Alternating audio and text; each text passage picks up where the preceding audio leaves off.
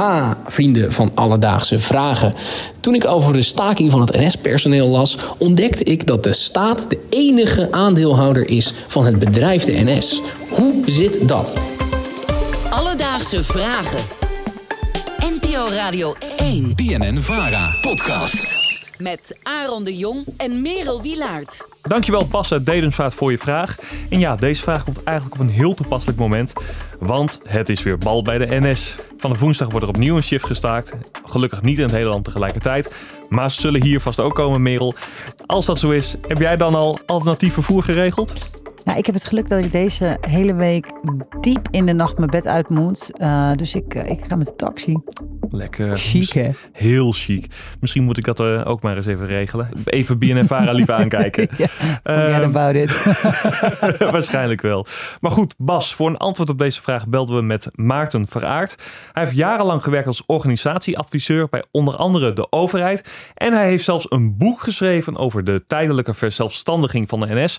Een flinke mond vol, maar wel de aangewezen man dus om te vertellen waarom de staat de enige aandeelhouder van de NS is. Nou, de staat is enige aandeelhouder van de NS om ervoor te zorgen dat in Nederland er voldoende en kwalitatief goede, maar ook betaalbare openbaar vervoerverbindingen zijn. Is het handig om maar één openbaar vervoerbedrijf te hebben? Of, of wat is het idee? Ja, dat bedoelde hij precies. Het is dus beter voor de reiziger om de NS grotendeels in handen van de staat te houden. En zo werd er eigenlijk niet altijd over nagedacht. Want in de jaren 90 wilde de politiek juist meer marktwerking op het spoor. Dus verschillende bedrijven die de reizigers nou ja, door Nederland vervoeren. Uh, want die concurrentie met de NS, ja, dat zou beter zijn voor de reiziger. Want je weet, ik haal maar even het voorbeeld aan van uh, videobanden. Verschillende bedrijven, dan wordt de kwaliteit beter en dan kiest de consument voor het beste. Maar goed, ondanks die mooie ideeën is dat er nooit van gekomen. En volgens Maarten was het eigenlijk nooit echt een goed idee.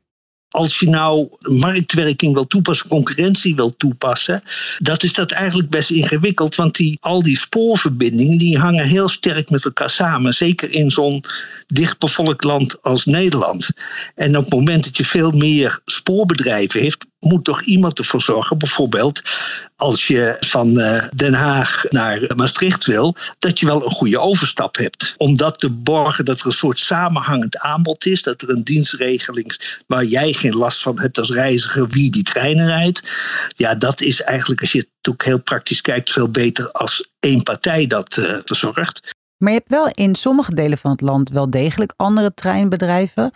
Wat is het voordeel voor zowel de overheid als de NS om in deze constructie te zitten? Ja, wat goed om te weten is, is dat in Nederland het zogenaamde hoofdrailnet er is. En dat zijn de belangrijkste spoorwegverbindingen in Nederland.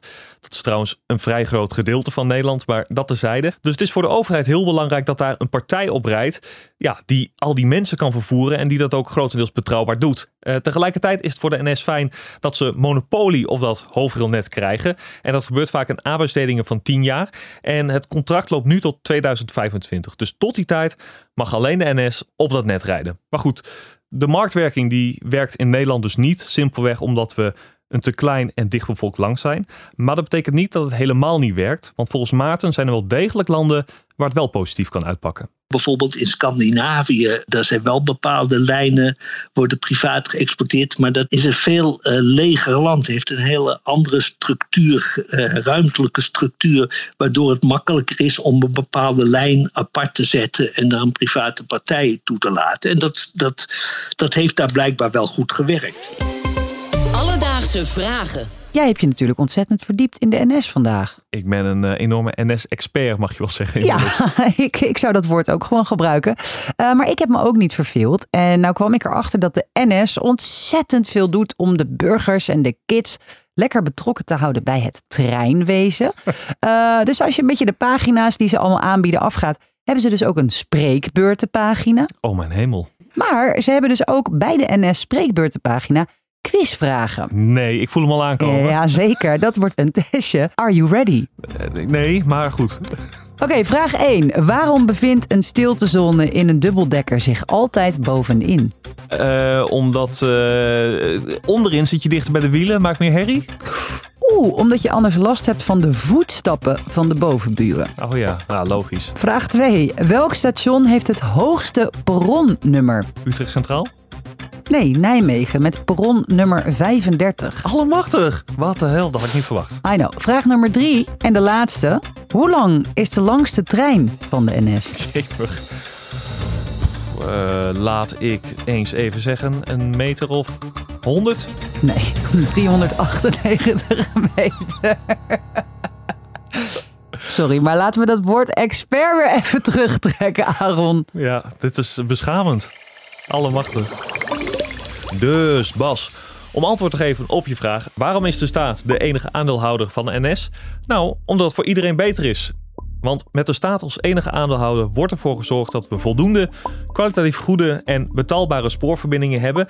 En misschien ben je het daar niet helemaal mee eens, maar als we de expert mogen geloven, dan zou een verdere privatisering van het spoor helemaal niet werken. En heb jij nu ook nog een vraag? Stuur ons dan een berichtje op Instagram. Dat kan naar Alledaagse Vragen of stuur een mail naar alledaagsvragen.radio1.nl en we zoeken het voor je uit.